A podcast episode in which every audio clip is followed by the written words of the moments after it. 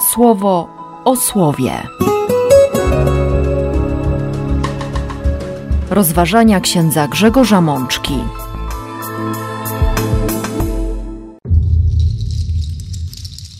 Szósta niedziela wielkanocna, rok B. Z dziejów apostolskich. Piotr, otwierając usta, powiedział: Naprawdę widzę, że Bóg nie patrzy powierzchownie, lecz w każdym narodzie ten mu jest miły, kto się go bojąc przestrzega sprawiedliwości. Z Psalmu 98. Pan dał poznać swoje wyzwolenie, objawił wobec narodów swoją sprawiedliwość. Z pierwszego listu świętego Jana. Miłość w tym się wyraża, że nie my pierwsi zaczęliśmy miłować Boga, lecz że On umiłował nas i posłał swojego Syna jako przebłaganie za nasze grzechy. Z Ewangelii według świętego Jana. Nie wy mnie wybraliście, lecz ja was sobie wybrałem i powołałem was do tego, abyście szli i wydawali owoc, i by owoc wasz trwał. Także o cokolwiek poprosicie Ojca w imię moje, da wam. To wam nakazuje, abyście się wzajemnie miłowali. Siostry i bracia, minął kolejny tydzień wielkanocny. Przed nami liturgia szóstej niedzieli, właśnie tego wspaniałego okresu, w którym przypominamy sobie nieustannie i stajemy jakby ciągle na nowo, patrzymy z różnych stron na fakt zmartwychwstania Chrystusa. Za tydzień uroczystość w niebo wstąpienia, za dwa tygodnie zesłanie Ducha Świętego. Idziemy właśnie w tym kierunku.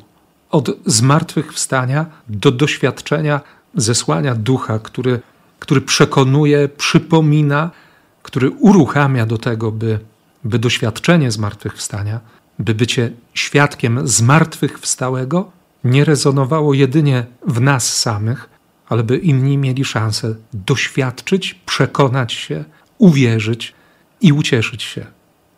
Doświadczyć zbawienia, które naprawdę jest szczęściem. I o tym nam przypominają dzisiejsze czytania, dzisiejsze teksty liturgii. Znów cztery piękne słowa. Zaczyna święty Piotr. Został zaproszony do domu Korneliusza, centuriona, człowieka sprawiedliwego i bogobojnego, cieszącego się dobrą opinią całego ludu żydowskiego, bo ten otrzymał w objawieniu od świętego anioła polecenie, by zaprosić Szymona do swojego domu i wysłuchać jakichś nauk od niego.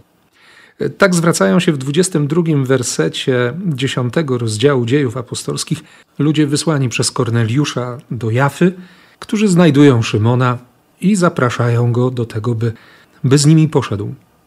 Ponieważ jest już późno, Piotr wprowadza ich do domu, w którym obecnie przebywa, domu Szymona Garncarza, udziela im gościny i następnego dnia wybiera się razem z nimi w towarzystwie niektórych braci z Jawy. Trzeba wiedzieć, i o tym zresztą za chwilę Piotr powie, w 28 wersecie, jego nie usłyszymy w dzisiejszej liturgii, zatem gorąco zachęcam, by, by znaleźć czas na lekturę całego dziesiątego rozdziału dziejów apostolskich. Ale wróćmy do tej myśli, od której zacząłem. A zatem wejście praktykującego Żyda do domu pogańskiego wiązało się z możliwością zaciągnięcia rytualnej nieczystości. Dlatego właśnie w 28 wersecie Piotr odzywa się w taki sposób: Sami wiecie, jak niewłaściwe jest dla Żyda przestawać z kimś z innego plemienia lub przychodzić do niego. Ten lęk wiążący się jednocześnie z pogardliwym czy pogardzającym spojrzeniem na tych, którzy nie byli praktykującymi Żydami, nie mieli zbyt wiele wspólnego z narodem wybranym, powodował ograniczenie kontaktu i nie ułatwiał, zresztą to był zabieg bardzo świadomy, bliższych relacji z poganami. Zresztą Ewangelie będą wspominać podczas procesu Jezusa i jego skazania na śmierć, że arcykapłani nie chcieli wejść na dziedziniec Piłata, żeby się nie skalać przed Paschą. Namiestnik musiał wyjść do nich. Ale czym dzieli się Piotr? Bo to jest bardzo istotne dla zrozumienia całego tego tekstu. Wizja, którą Piotr ma podczas modlitwy, i to napomnienie ze strony jakiegoś głosu, prawdopodobnie anioła, co Bóg czyste stworzył, ty nie uważaj za skażone.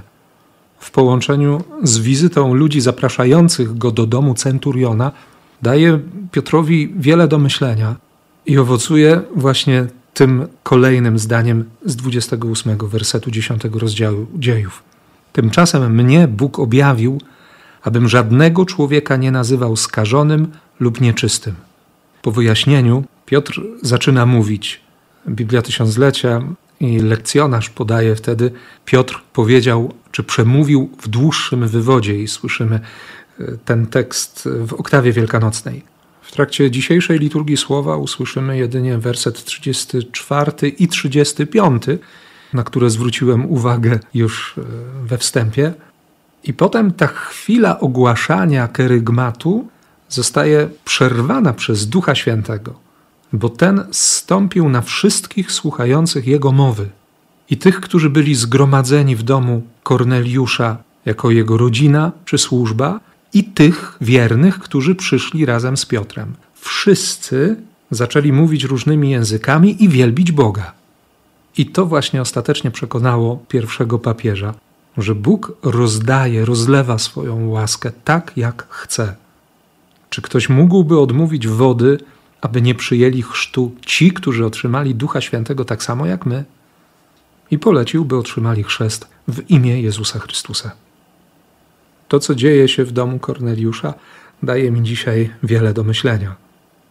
Bo fakt, że kocham Boga albo mam jakiś pomysł na to, w jaki sposób wypełnić wolę Bożą, czy szukać właściwie Bożych pragnień, nie może owocować we mnie przekonaniem, że jako jedyny wiem, czego Bóg chce.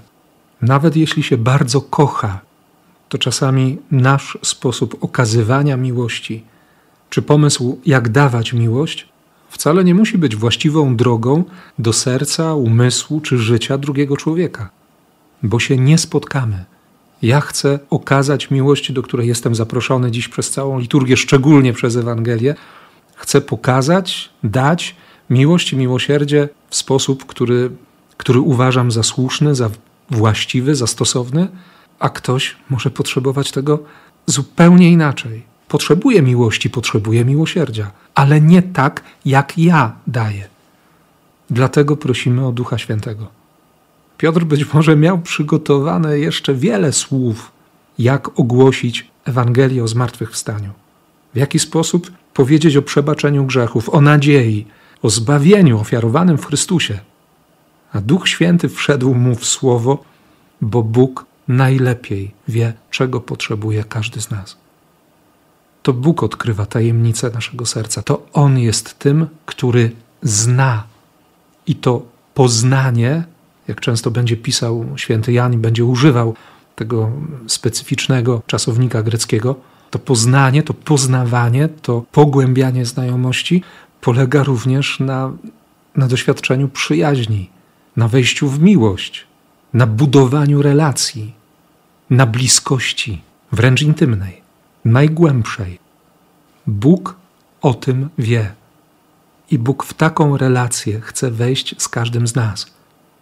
Dlatego często łamie rozmaite schematy. Dlatego kruszy te mury, które budujemy w swoich sercach.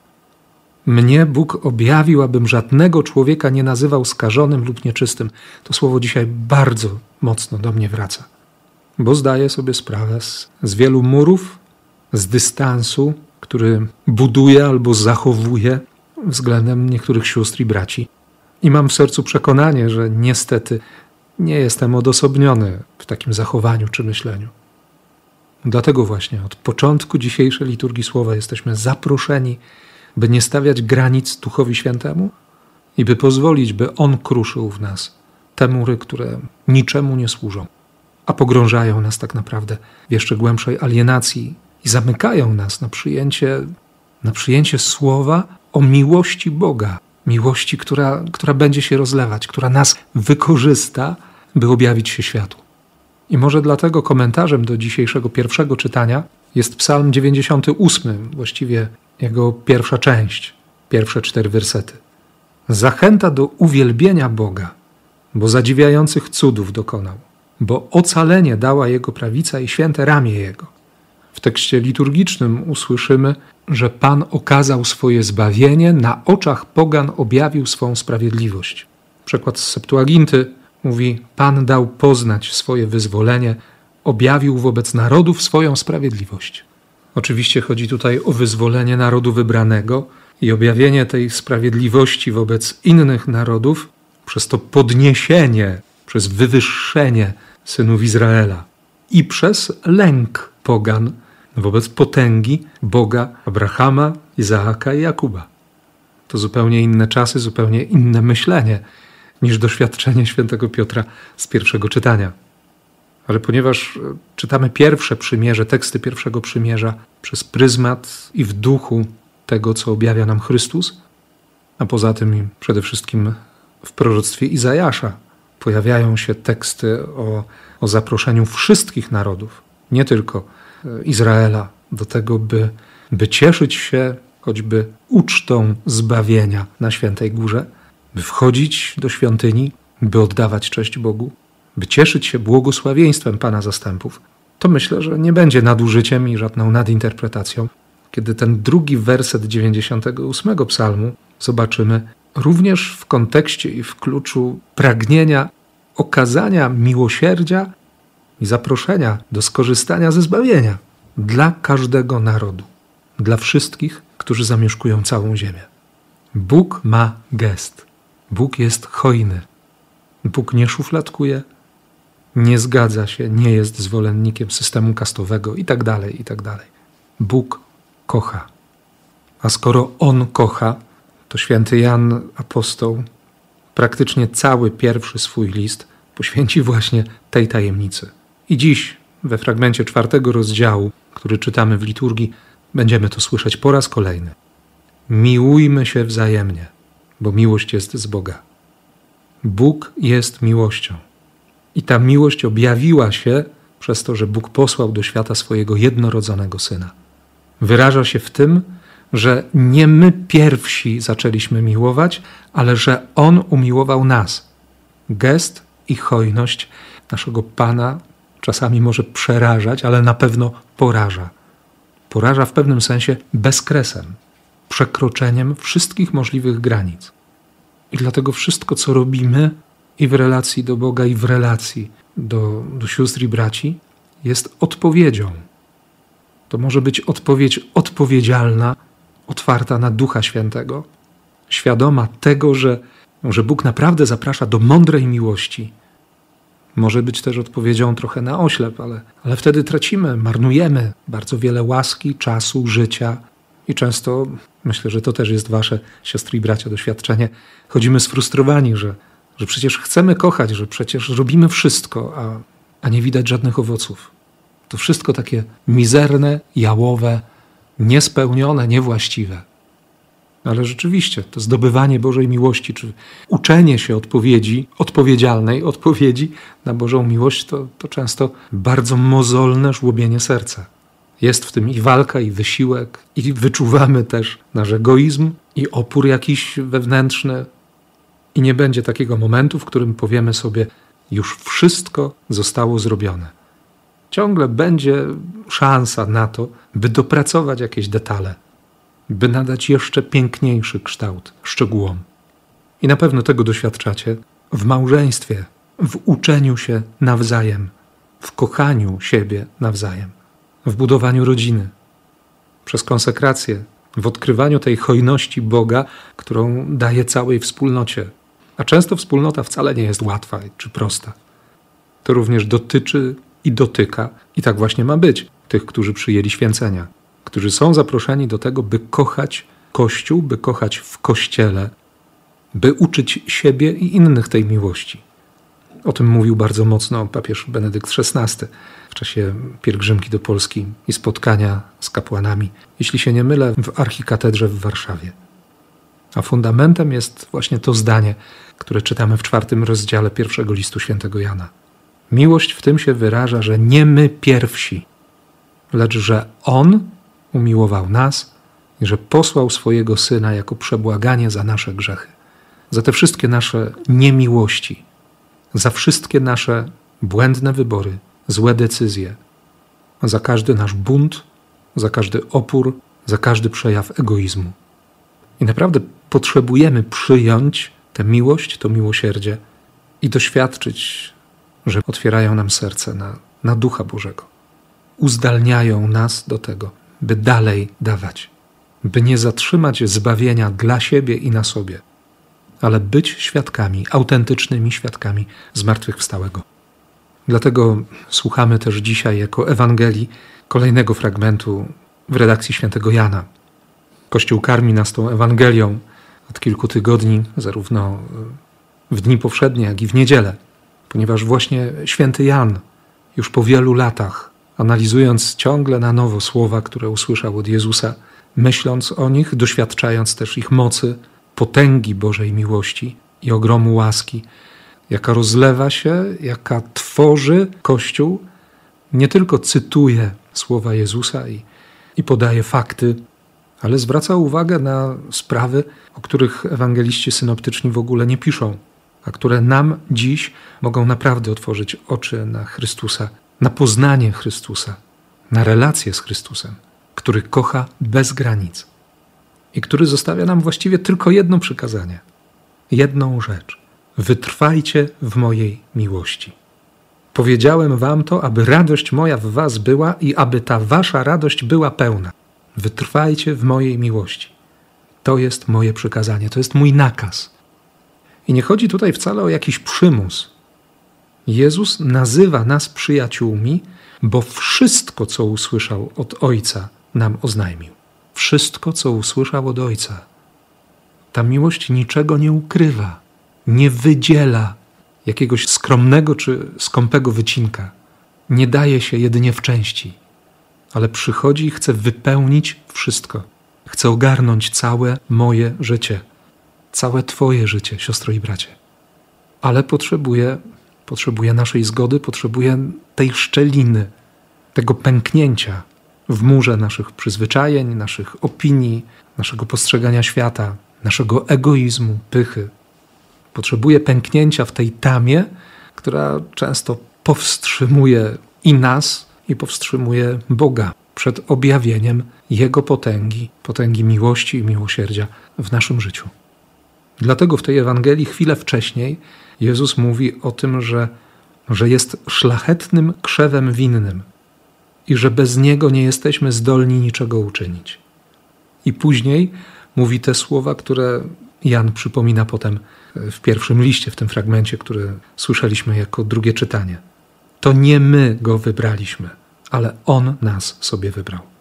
I powołał do tego, byśmy szli, wydawali owoc i by nasz owoc trwał. Wydawać owoc to znaczy kochać. Dawać miłość, rozdawać miłość, którą otrzymaliśmy, której się uczymy, na którą chcemy odpowiedzialnie odpowiedzieć. Dlatego nam nakazuje, abyśmy się wzajemnie miłowali. A na to nam życia nie starczy. Mamy co robić i Bogu dzięki. I niech tak się dzieje. Niech ta miłość nieustannie wzrasta. Niech nas zmienia. I niech dzięki temu zmienia się również oblicze świata. Amen. Słowo o słowie.